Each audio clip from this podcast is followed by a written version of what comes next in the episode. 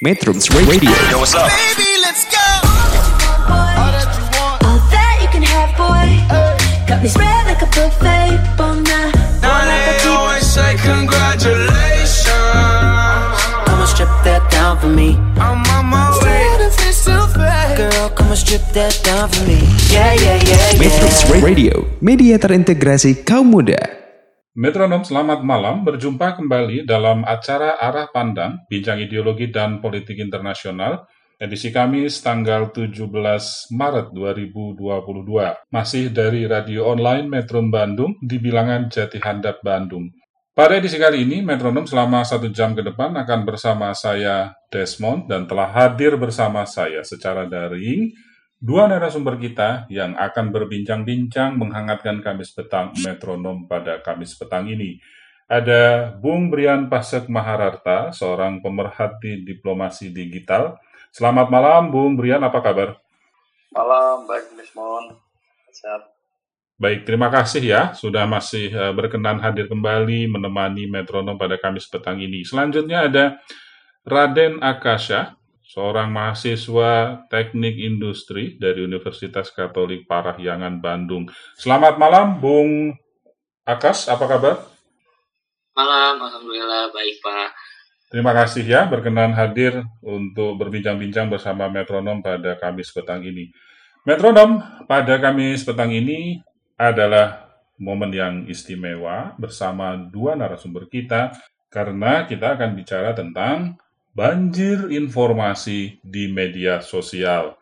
Baru-baru ini banyak sekali informasi yang bergulir lebih cepat daripada perjalanan dari rumah kita ke sekolah, dari rumah kita ke tempat kerja. Inilah resiko dari kemajuan teknologi dan informasi. Lebih lanjut nanti kita akan berbincang lebih dalam bersama Bung Brian Pasek Mahararta dan Bung Raden Akasha. Metronom dalam kesempatan ini kami selalu mengingatkan bahwa untuk dapat mendengarkan siaran radio Metrum, silahkan mengunduh aplikasi Android Metrum Radio di Play Store Metronom pada tautan bit.ly slash Metrum Radio, satu aplikasi menjelajah berbagai platform.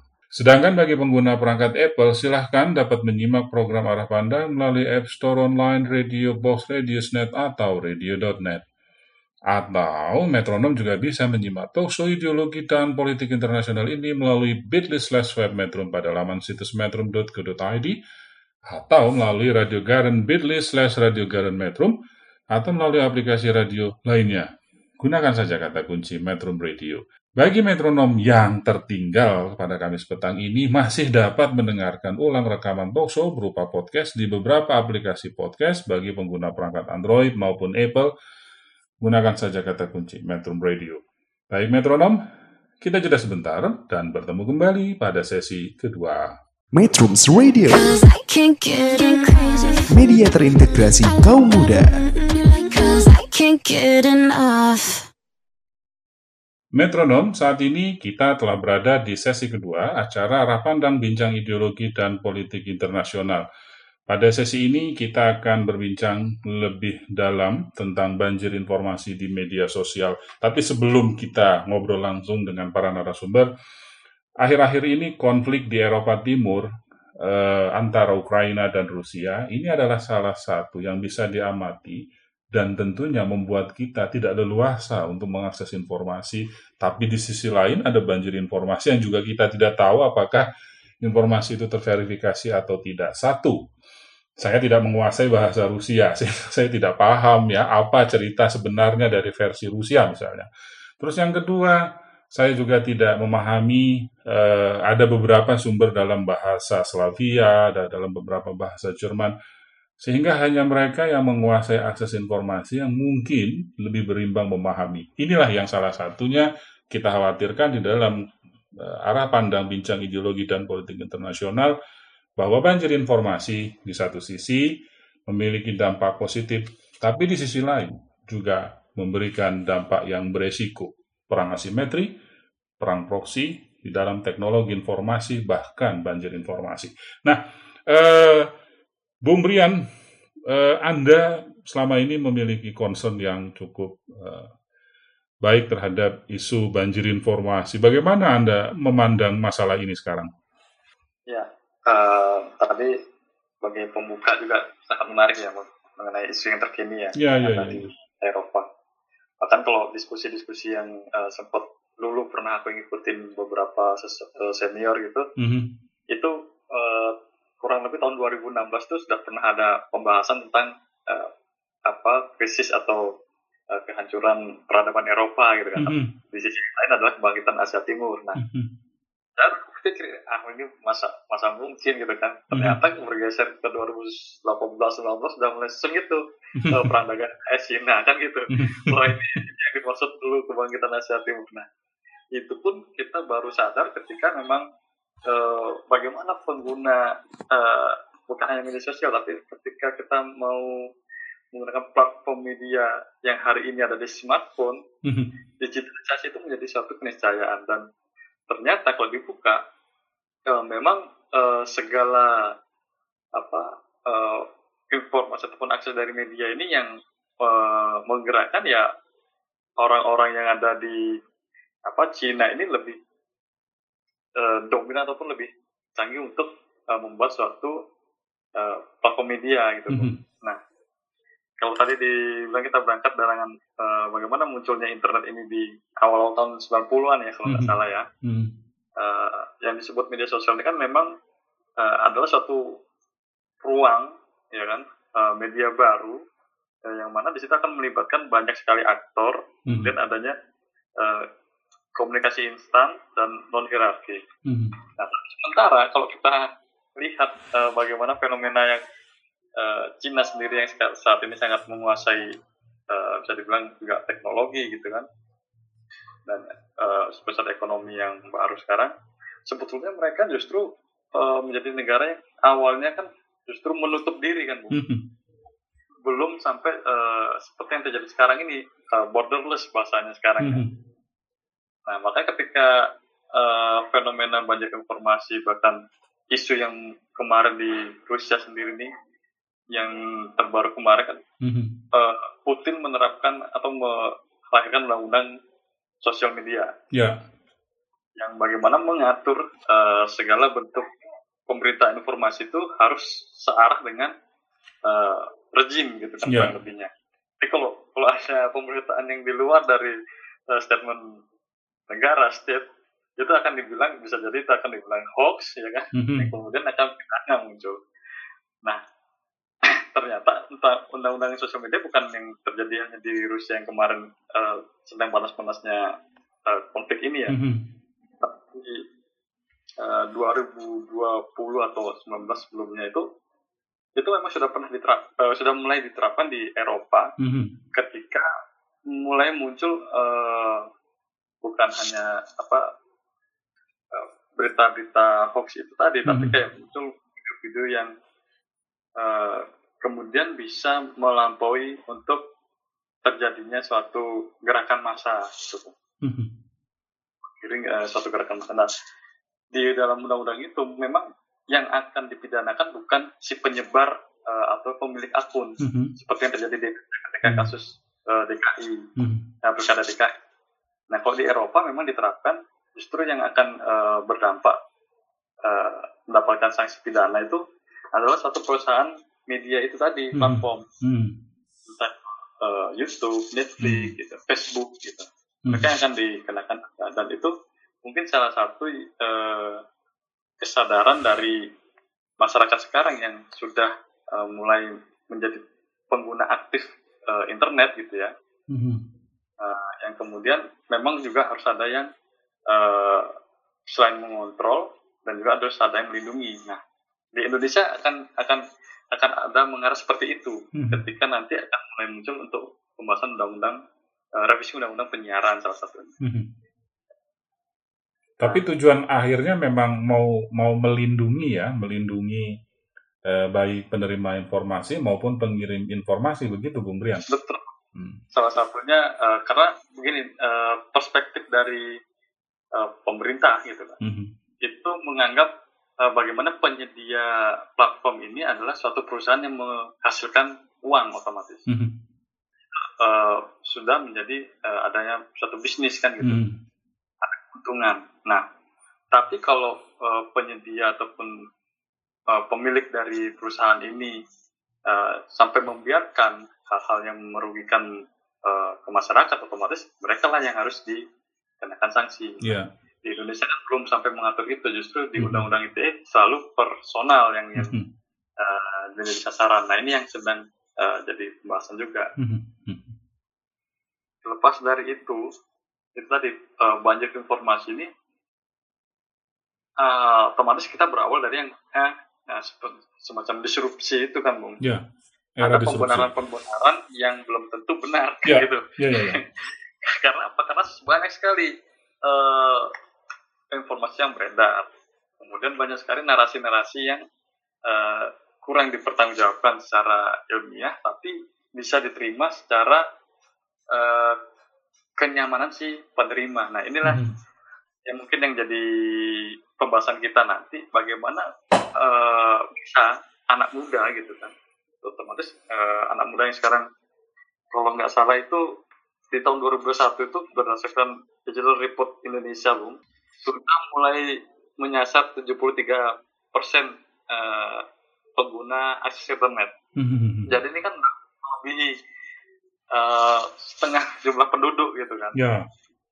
yang dikhawatirkan memang ketika anak-anak uh, atau pelajar juga sudah terbiasa untuk uh, menggunakan sekolah daring gitu kan laptop dan juga main game online tapi kalau kemudian tidak ada bukan memprotek dalam arti membatasi ya tapi memang perlu uh, memberitahu kayak uh, kebiasaan ini kan bisa dibilang adalah kebiasaan baru tapi Mhm. kalau dari kita lingkungan sendiri tidak bisa menjaga apa eh, norma-norma dari untuk anak-anak sendiri ya Mhm. gimana nanti akan menjadi suatu kekeosan kan seperti Iya, itu dan itu yang terjadi seperti kayak eh, Arab Spring 2011 Iya, iya. dan gimana itu ada informasi yang sangat vulgar masuk tapi eh, satu sisi akan berdampak pasti ke anak-anak muda dan Hong Kong terjadi seperti itu nah di Indonesia eh, ini mungkin yang yang eh, ada Bung Akas yang juga eh, selain pengguna aktif dan dia juga eh, terlibat di media sosial mungkin bisa bercerita juga Mhm. tentang banyak informasi Mhm. mungkin itu dulu Baik, baik, baik. Ya, ini eh, nyambung memang nanti dengan Bung Akas sebagai eh, usia muda juga aktif di media sosial. Eh, Selain itu juga eh, bukan sebagai pengkonsumsi informasi, tetapi juga konten kreator ya. Eh, ini kembali sedikit lagi sebelum ke Bung Akas.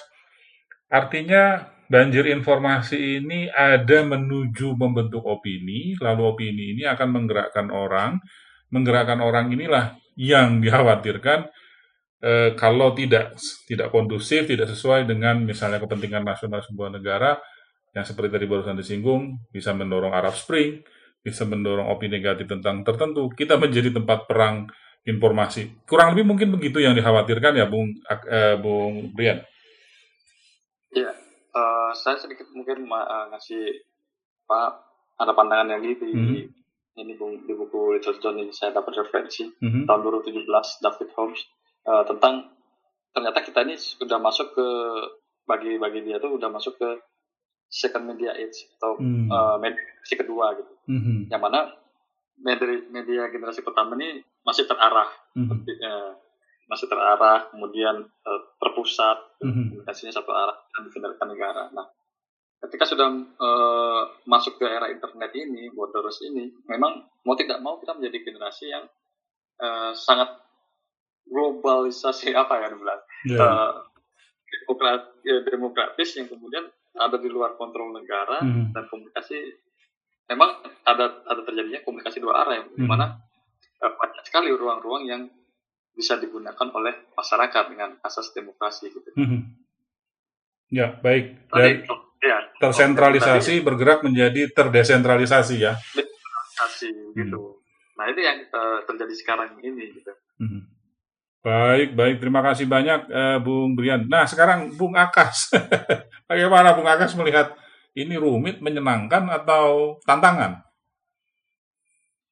Oke, baik. Eh, terima kasih Pak Desmond. Sebelumnya, saya memang eh, setuju ya dengan eh, pendapat Kambrian tadi. Terutama memang saya mengetahui bahwa ternyata sekarang ini banyak sekali uh, penyedia-penyedia platform yang menghasilkan uang. Contohnya uh, kita bisa lihat dari sekarang platform seperti Instagram, sekarang sudah ada Instagram Shop-nya. Lalu dari TikTok, TikTok juga sekarang ada TikTok Shop gitu yang keranjang kuning seperti itu. Lalu kita lihat juga bahwa di situasi seperti ini tidak menutup kemungkinan bahwa semuanya bisa mengakses uh, internet dalam satu waktu tentunya banjir informasi ini uh, saya melihat bahwa bisa semua informasi ini masuk. Apakah ini berdampak buruk? Sepertinya kalau menurut saya karena uh, kalau saya pribadi itu lebih suka mengatur apa yang masuk ke dalam smartphone saya, apa yang masuk ke dalam media sosial saya itu uh, itu saya mengatur gitu. Tapi belum tentu ada anak muda lain atau masyarakat lain yang bisa mengatur mengatur apa yang mau dia terima uh, terkait informasi-informasi yang ada di uh, sosial media. Nah, saya lebih uh, setuju kalau memang banjir informasi ini dijadikan tantangan ya, terutama hmm. tantangan bagi kita sebagai remaja, anak hmm. muda, hmm. mahasiswa ataupun uh, masyarakat di luar sana yang harus bisa pertama memproteksi diri kita, hmm. di, terutama untuk mengatur apa sih yang masuk, apa yang mau masuk ke dalam smartphone kita di mhm. media sosial kita. Lalu baru kita uh, seperti yang tadi Kang Brian bilang, baru kita ke arah pemerintah nih. Bagaimana pemerintah juga bisa uh, memproteksi seluruh informasi. Ini kan global ya secara dunia. Jadi hmm. dari mana pun bisa masuk. Tentunya ada keterkaitan dengan pemerintahan dan juga bagaimana ini bisa diatur dari segi dari mana saja nih yang bisa masuk. Jangan sampai uh, tadi yang seperti dikatakan oleh Kambrian juga mengenai uh, demo demokrasi ya, demokrasi. Mm -hmm. Karena bisa saja informasi-informasi ini berdampak buruk bagi remaja saat ini, hmm. terutama dan terlebih lagi mengenai uh, nasionalisme sempit. Wah, ini udah hmm. nggak hmm. banget lah istilahnya yeah. kalau di remaja-remaja uh, saat ini karena udah kalau udah kayak begitu kan jatuhnya dia jadi uh, terlalu terlalu nasionalis gitu. Jadi mm-hmm. berlebihan lah gitu. Dan memang pada kenyataannya apakah ada yang seperti itu? Banyak. Sudah banyak gitu. Mm-hmm. dan, dan saya juga uh, baru mengetahui sebuah fakta bahwa ternyata negara Indonesia itu merupakan negara yang keberapa gitu. Dengan uh, uh, komentar haters terbanyak. Haters komentar-komentar buruk di sosial media itu hmm. negara Indonesia banyak sekali. Nah, ini tentunya uh, kembali lagi mengenai proteksi diri, bagaimana kita bisa mengatur apa yang bisa masuk dan apa yang kita bisa terima di sosial media. Hmm. Gitu kalau dari saya. Baik, Bung Akas, ini uh, apa pandangan dari seorang uh, apa usia remaja, mahasiswa self control ini yang saya ragukan Bung Akas karena Eh, betul ya, saya setuju kembali kepada diri kita manfaatnya apa? Kita yang mengendalikan diri kita sendiri, self control. Tapi ya ini memang perlu edukasi yang baik ya, literasi informasi yang baik agar menumbuhkan self control bagi para pengguna uh, media sosial melalui uh, gadgetnya masing-masing.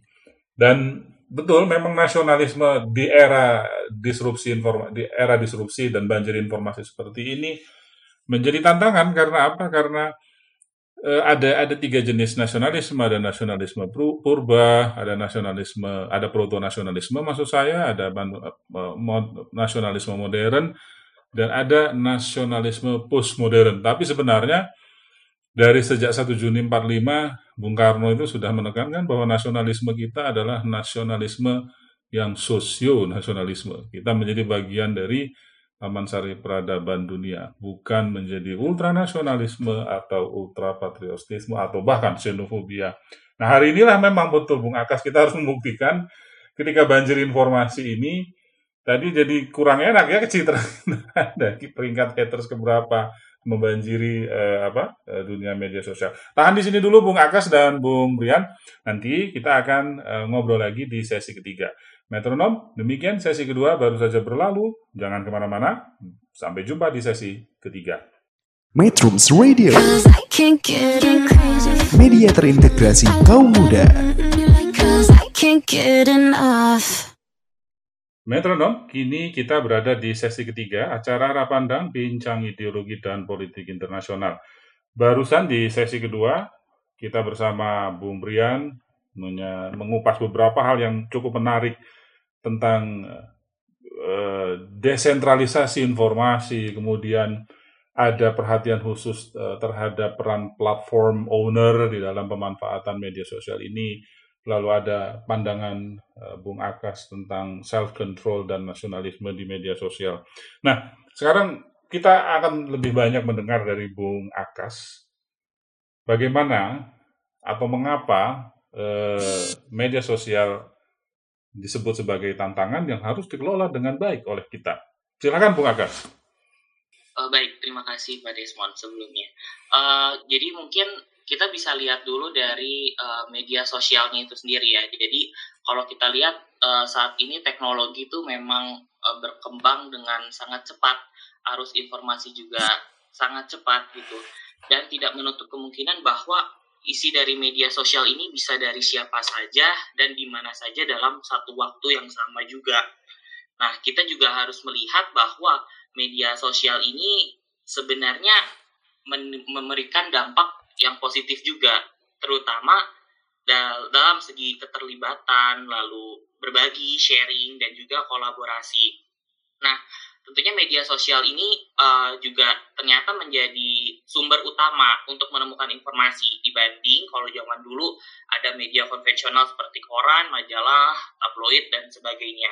Kalau untuk saat ini memang sumber utamanya adalah eh, dari media sosial, terutama eh, mungkin seperti yang kita banyak tahu ada Facebook, Twitter, Instagram, TikTok, dan eh, ternyata selain menimbulkan dampak positif, ada juga beberapa dampak yang kurang lah istilahnya, terutama eh, bagaimana kita mengatur eh, diri kita dalam menggunakan sosial media.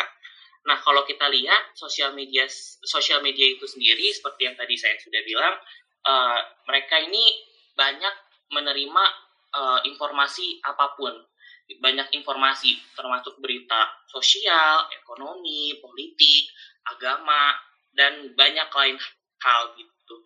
Dan bagaimana cara kita untuk bisa eh, terutama mengontrol diri kita sendiri dulu, itu tentunya adalah dari eh, pola pikir kita bagaimana kita bisa memberikan uh, pola pikir kita terhadap sosial media, peran sosial medianya.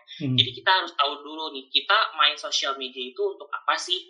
Jadi kita bentuk dulu nih pola pikiran. Nah setelah kita udah tahu kita mau uh, mau ngapain di sosial media, ba- barulah ada yang namanya pengawasan.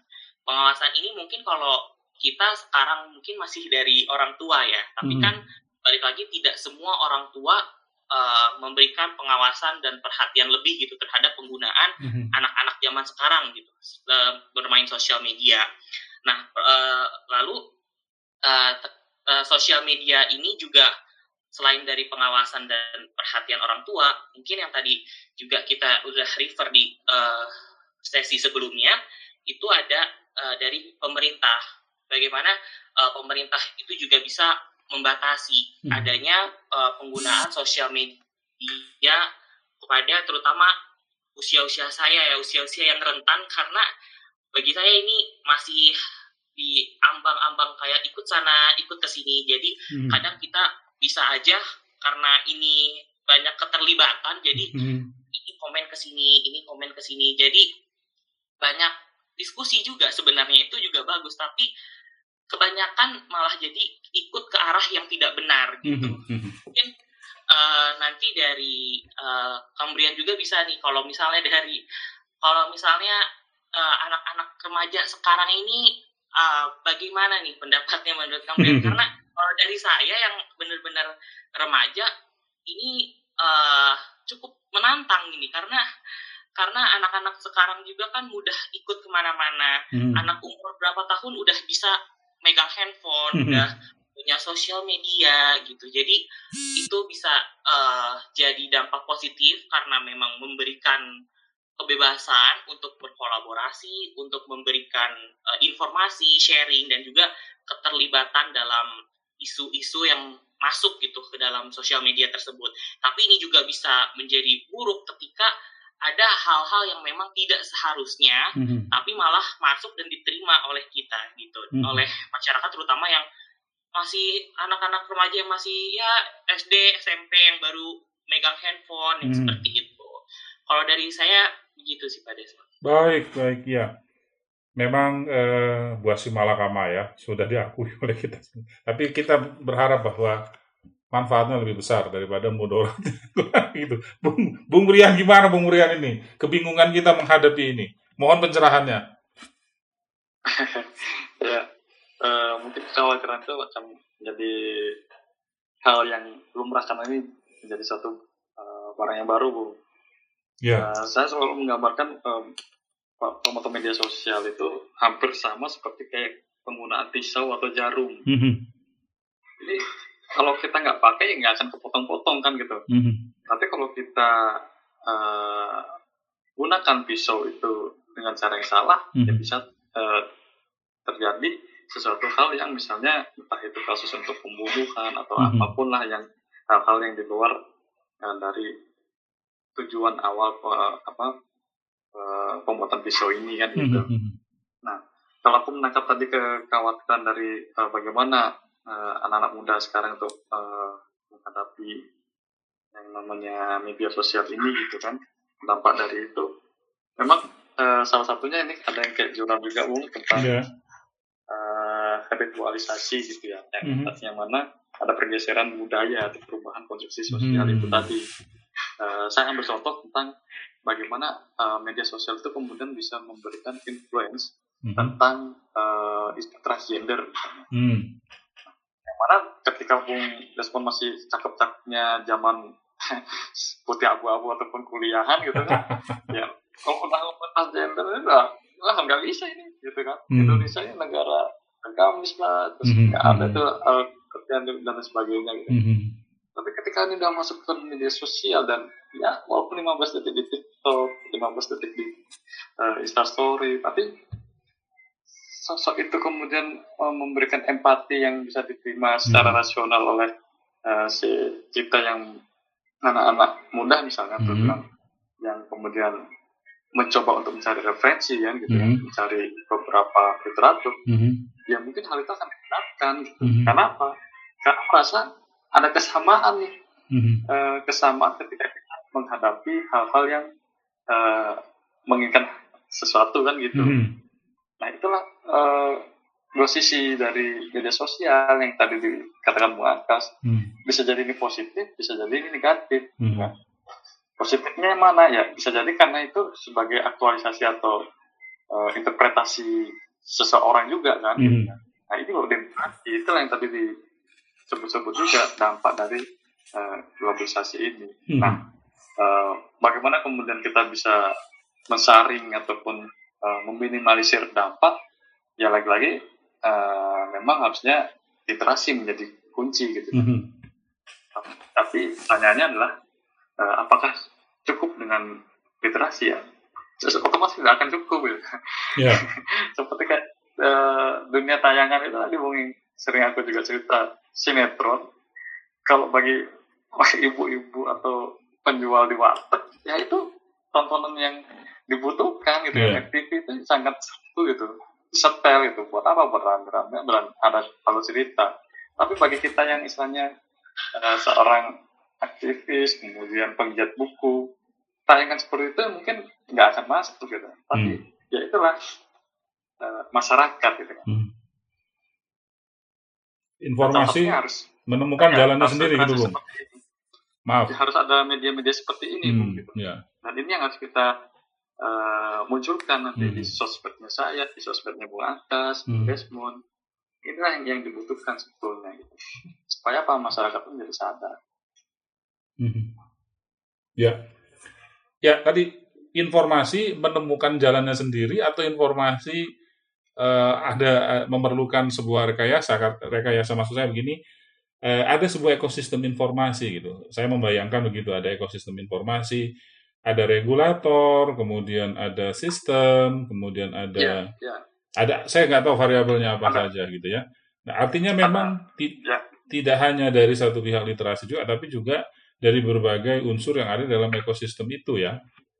betul betul betul ya ya itu tadi karena bagaimanapun juga ini akan berdampak pada eh, masyarakat sendiri gitu kan Mhm. Nah, di mana masyarakat itu ya ada beragam profesi juga gitu. Hmm. Baik.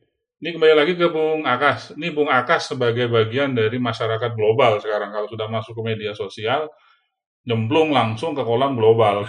Karena apa? Hitungannya detik loh ya. Tiba-tiba kita sudah bisa me- melihat perubahan besar di dunia. Bung Akas ada ada ada pandangan khusus tentang bagaimana sebaiknya kita bersikap. Karena ketika kita masuk ke dunia banjir informasi ini, eh, kita otomatis langsung menjadi bagian dari komunitas global. Menurut Bung Akas gimana? Iya betul eh, Pak Desmond. Itu memang saya setuju sih tadi. Eh, ketika kita sudah eh, menemukan atau melihat satu isu tertentu eh, di sosial media, itu secara tidak langsung kita sudah terjun langsung ke dalam isu itu. Entah Mhm. kita setuju atau tidak setuju, entah itu kita ikut berkomentar ataupun Mhm. dipendam dalam hati juga. itu secara tidak langsung kita sudah ikut mengenai eh, isu tersebut begitu Pak Mhm. dan eh, ini juga saya rasakan sendiri gitu saya sangat menyadari banyak sekali isu-isu yang memang eh, saya bukan expertnya tapi kok saya setelah melihat isu ini seperti saya seolah-olah expertnya seolah-olah saya ahlinya padahal itu hanya opini saya semata hanya Mhm. pandangan saya semata gitu. Kadang eh, ketika kita masuk di dalam suatu isu di media sosial Mhm. gitu, itu kadang ada rasa seperti itu Mhm. gitu. Dan eh, bagaimana cara kita untuk menyikapi hal ini tentu eh, kembali lagi karena semua informasi itu bukan semata-mata kita cari oh ini Mhm. terkadang ada beberapa informasi yang tidak kita cari pun Mhm. tiba-tiba kalau kalau misalnya di media sosial tuh kayak suggest uh, suggest information gitu Iya. tiba-tiba ada informasi yang disarankan padahal belum tentu informasi tersebut relate sama kita Iya. jadi ini yang perlu kita tahu bahwa uh, sebenarnya ada uh, faktor lain ada variabel lain yang membuat tiba-tiba ini tuh jadi seolah-olah uh, relate sama kita. Isu Mhm. ini tuh relate sama kita. Uh, kayak uh, misal karena misalnya saya uh, mengikuti orang ini. Jadi mau nggak mau ketika orang ini punya bermasalah dengan isu apa aja jadi saya keikut gitu. Jadi saya jadi terikut dengan isu tersebut. Nah Hmm. ini yang uh, perlu apa ya kalau kita itu harus tahu kalau ini tuh ternyata secara tidak langsung sadar tidak sadar itu terjadi sama kita jadi ini tiba-tiba kok kita jadi ke arah sini ya gitu. Mhm. awalnya kita mau nyari apa terus ada berita apa oh tiba-tiba jadi ngikutin ini ya padahal Mhm. tadi awalnya uh, saya nggak nyari berita ini loh seperti itu pak Bung Akas ini eh, masih menyambung dengan itu tentang relate or not relate ya topik yang sedang kita cari. Kadang-kadang kita tuh merasa bahwa orang-orang yang berteman dengan kita itu seolah-olah sedang membahas itu semua. Terus timeline kita tuh kok semuanya sama seperti kata kunci yang barusan saya cari. Jadi seolah-olah saya misalnya yang sebagai pengguna memandang seluruh dunia itu setuju dengan hal itu.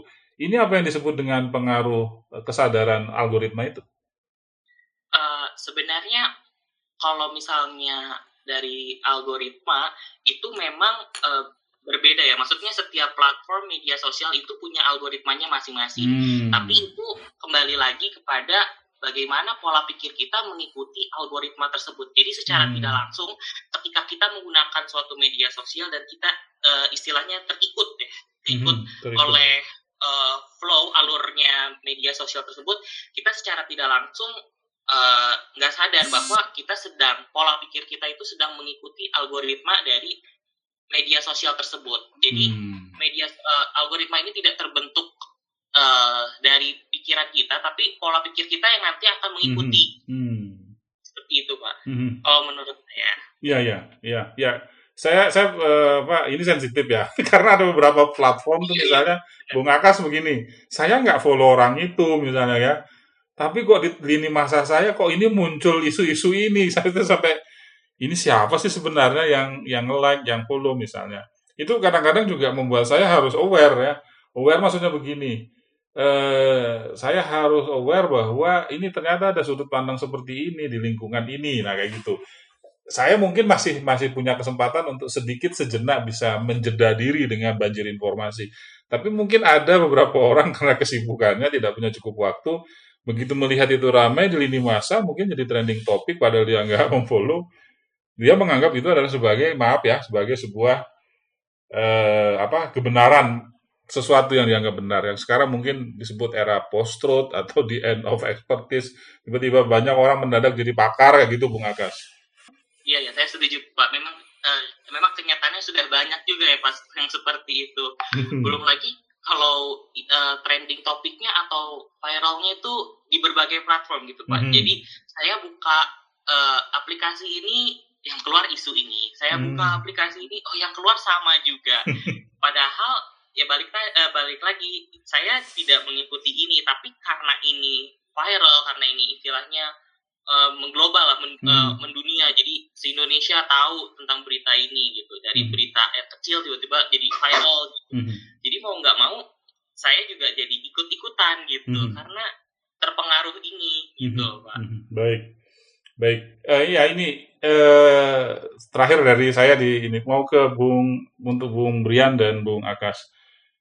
Apakah ini juga terkait kepada adanya struktur antara negara maju dengan negara berkembang yang terlihat bahwa ada penguasaan inovasi lisensi dalam uh, teknologi informasi dan platform informasi yang berkembang sehingga uh, banjir informasi ini juga harus diwaspadai. Saya mulai mungkin dari Bung Brian dulu deh. Ya, untuk hal yang itu sebetulnya memang eh, mau tidak mau ya Bung ya, Hmm. karena ini adalah eh, buah dari globalisasi juga sebetulnya kan, Mhm. karena ada eh, percampuran budaya juga dan kemudian eh, cara berpikir seseorang itu juga sudah eh, kita ketergantungan dengan teknologi ya. Mhm. Kalau tadi eh, kaitan dengan algoritma tadi memang ya mau nggak mau lingkungan kita ini ternyata bukan hanya di lingkungan FTU lagi gitu atau lingkungan kantor gitu kan Eh, ya itu tadi ada sesuatu yang trending ataupun yang viral eh, mungkin bisa jadi aku nggak pernah tahu eh odading misalnya ke waktu itu ya Hmm. kemudian itu terus yang dicari oleh eh, masyarakat kita pengguna ya mau nggak mau yang viral dan kemudian itu yang akan sering muncul kan gitu Iya. itulah eh, ini masalah ke- ketergantungan dengan teknologi ya Mhm. pernah ada satu cerita eh, seorang apa teman juga teman rekan kerja gitu yang dia bilang waktu waktu dia sem- kesempatan untuk eh, istilahnya kalau bahasa sekarang tuh healing gitu kan Mhm. jadi tanpa gadget gitu Mhm. dia benar-benar naik gunung tanpa gadget dan ya benar-benar menikmati alam dan bisa ngobrol langsung sama teman-teman eh, cerita tentang eh, kegiatan dia kemarin, pencapaian dia dan ya teman-teman ngobrol yang benar-benar ngobrol sebagaimana tanpa ada hirup pikuk ini kan gitu. Mhm. Ya apakah itu bisa eh, dilakukan oleh masyarakat sekarang? Saya pikir juga belum tentu gitu kan. Mhm. Karena sekarang aja eh, pemerintah men- mencanangkan untuk bagaimana internet masuk desa misalnya. Dan desa itu sudah menjadikan eh, komunitas juga untuk eh, bagaimana jangkauan eh, internet dan skala digitalisasi itu bisa menyasar ke sana gitu kan. Karena Hmm. ada ada sektor pertumbuhan ekonomi di sana. Ya mau tidak mau ya mungkin nanti akan menjadi suatu kebiasaan baru yang kemudian ya yang namanya maling itu bukan maling kita lihat orang lagi bisa jadi maling ya mencuri data akses kita kemudian tahu-tahu telepon kita untuk menawarkan salah satu produk atau apa ya Mhm. seperti itu lah dan bagaimanapun juga ya kita hidup ya memang harus waspada sih. Baik, makasih Bung Brian. Eh, Bung Akas ini gimana Bung Akas? Kalau dari saya, Pak Despon, eh, Kang Brian, ini saya eh, cukup setuju ya. Jadi ternyata eh, eh, apa ya, sadar tidak sadar bahwa kita juga harus mewaspadai penggunaan kita di sosial media karena bisa saja yang tadi seperti kata Kang Brian ada maling, malingnya bukan bukan maling bentuk fisik gitu ya, bukan Hmm. maling handphone atau apa, tapi data gitu. Jadi bisa saja data kita tiba-tiba diambil lalu uh, dia melakukan apa ya seperti penipuan gitu dengan mengatasnamakan kita. Ini juga sudah banyak terjadi gitu di kalangan teman-teman saya. Jadi banyak uh, yang mengambil data uh, tersebut lalu digunakan untuk misal uh, minjem uang dong, minta uang dong, yang seperti itu. Dan ini juga perlu diwaspadai gitu. Nah, uh, lalu kalau dari saya sendiri, bagaimana caranya agar kita bisa uh, sadar dan tahu akan hal tersebut? Mungkin salah satunya adalah kita juga harus paham bahwa ternyata semua uh, platform aplikasi di media sosial itu terintegrasi. Jadi tidak menutup kemungkinan bahwa ada satu ketergantungan atau keterlibatan antara satu aplikasi media sosial dengan media sosial lainnya. Hmm. Nah, kita bisa tahu uh, kelemahannya. Jadi orang lain tidak mudah untuk mengakses data informasi yang kita miliki. Okay. Seperti itu kalau dari saya. Oke, okay, ya ini makin seru. Coba saya saya jeda dulu ya. Uh, nanti kita lanjutkan kembali di sesi keempat. Metronom, barusan sesi ketiga berlalu bersama Bung Brian dan Bung Akas. Ini makin terlihat ada perang asimetri melalui informasi barusan kalimat terakhir dari Bung Brian dan Bung Akas. Jangan ke mana-mana, kita berjumpa kembali di sesi keempat. Metrums Radio. Media terintegrasi kaum muda. Metronom Tibalah kita di penghujung acara Arah Pandang Bincang Ideologi dan Politik Internasional. Ini adalah sesi keempat dan pada sesi pamungkas ini, para narasumber kita akan memberikan spotlight pesan inti yang ingin dibagikan dari perbincangan sesi 1, sesi 2, dan sesi 3 tadi.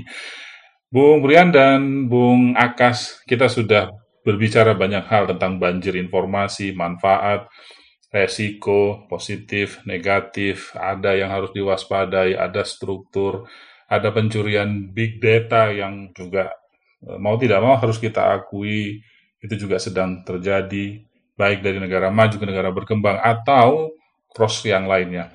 Nah, eh, di sesi keempat ini Bung Brian spotlightnya apa bagi para metronom untuk agar lebih bijak dalam eh, menggunakan eh, apa gadgetnya untuk mengakses informasi. Silakan Bung Rian.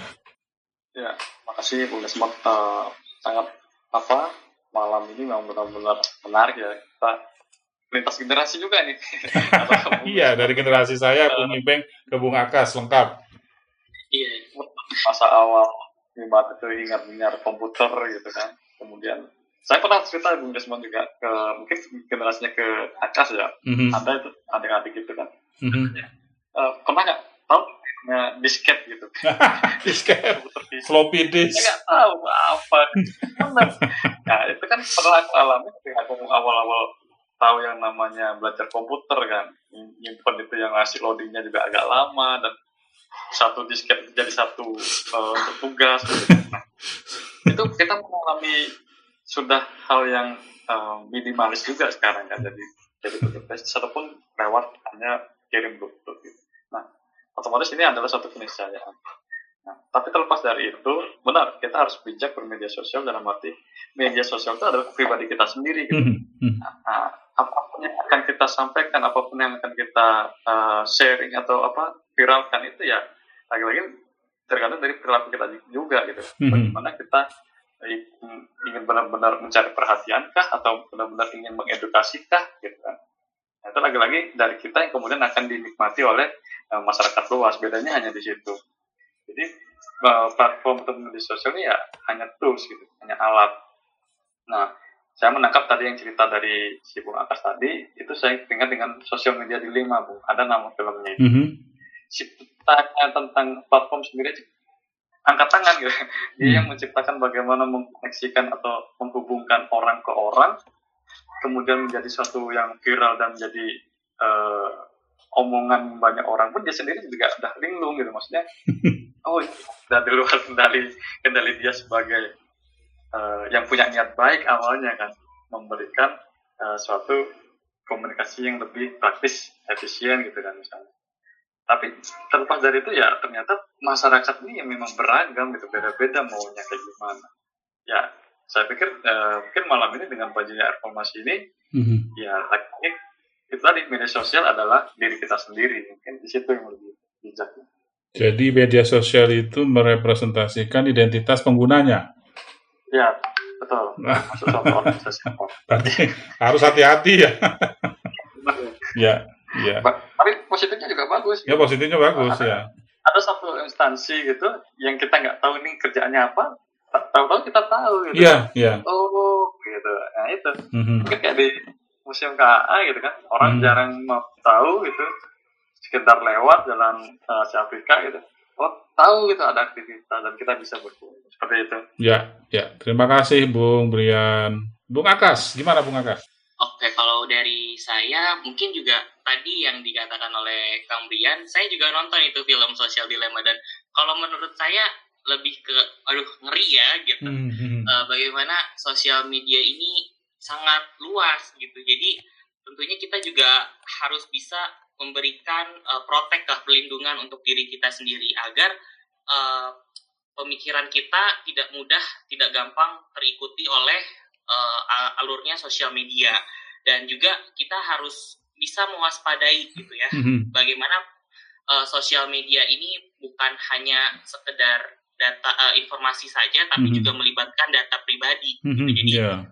Menurut saya juga kita perlu untuk mewaspadai gitu apalagi terutama pada media-media yang mungkin memang sudah nyambung gitu antara satu platform dengan platform yang lainnya gitu jadi Mhm. selain kita juga harus tahu tentang uh, aplikasinya ini sharing tentang apa atau berbicara tentang apa atau khusus untuk apa tapi kita juga harus tahu bahwa seluruh informasi yang dap- didapat dari sosial media ini uh, dipengaruhi oleh data yang kita masukkan juga ke dalam media sosial tersebut begitu sih Pak.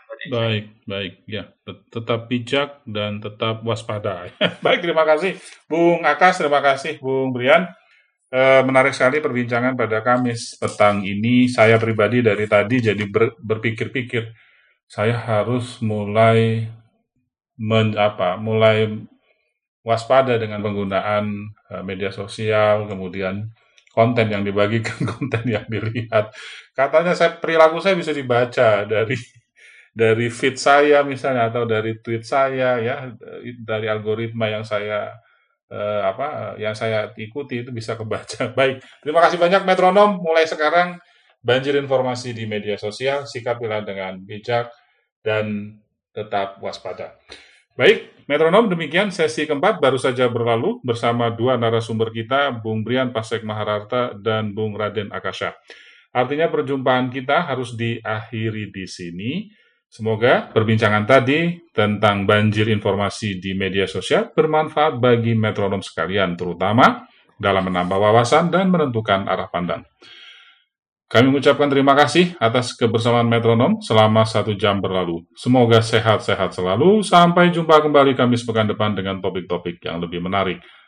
Tetap stay di Metrum Radio, media terintegrasi kaum muda dalam jelajah komunitas. Selamat malam. Metrums Radio Baby, let's go. All that you want. All that you can have, boy. Got me spread like a buffet, bon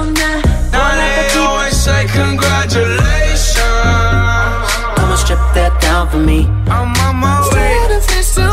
Girl, come and strip that down for me. Yeah, yeah, yeah, yeah. Metrums Radio Media terintegrasi kaum muda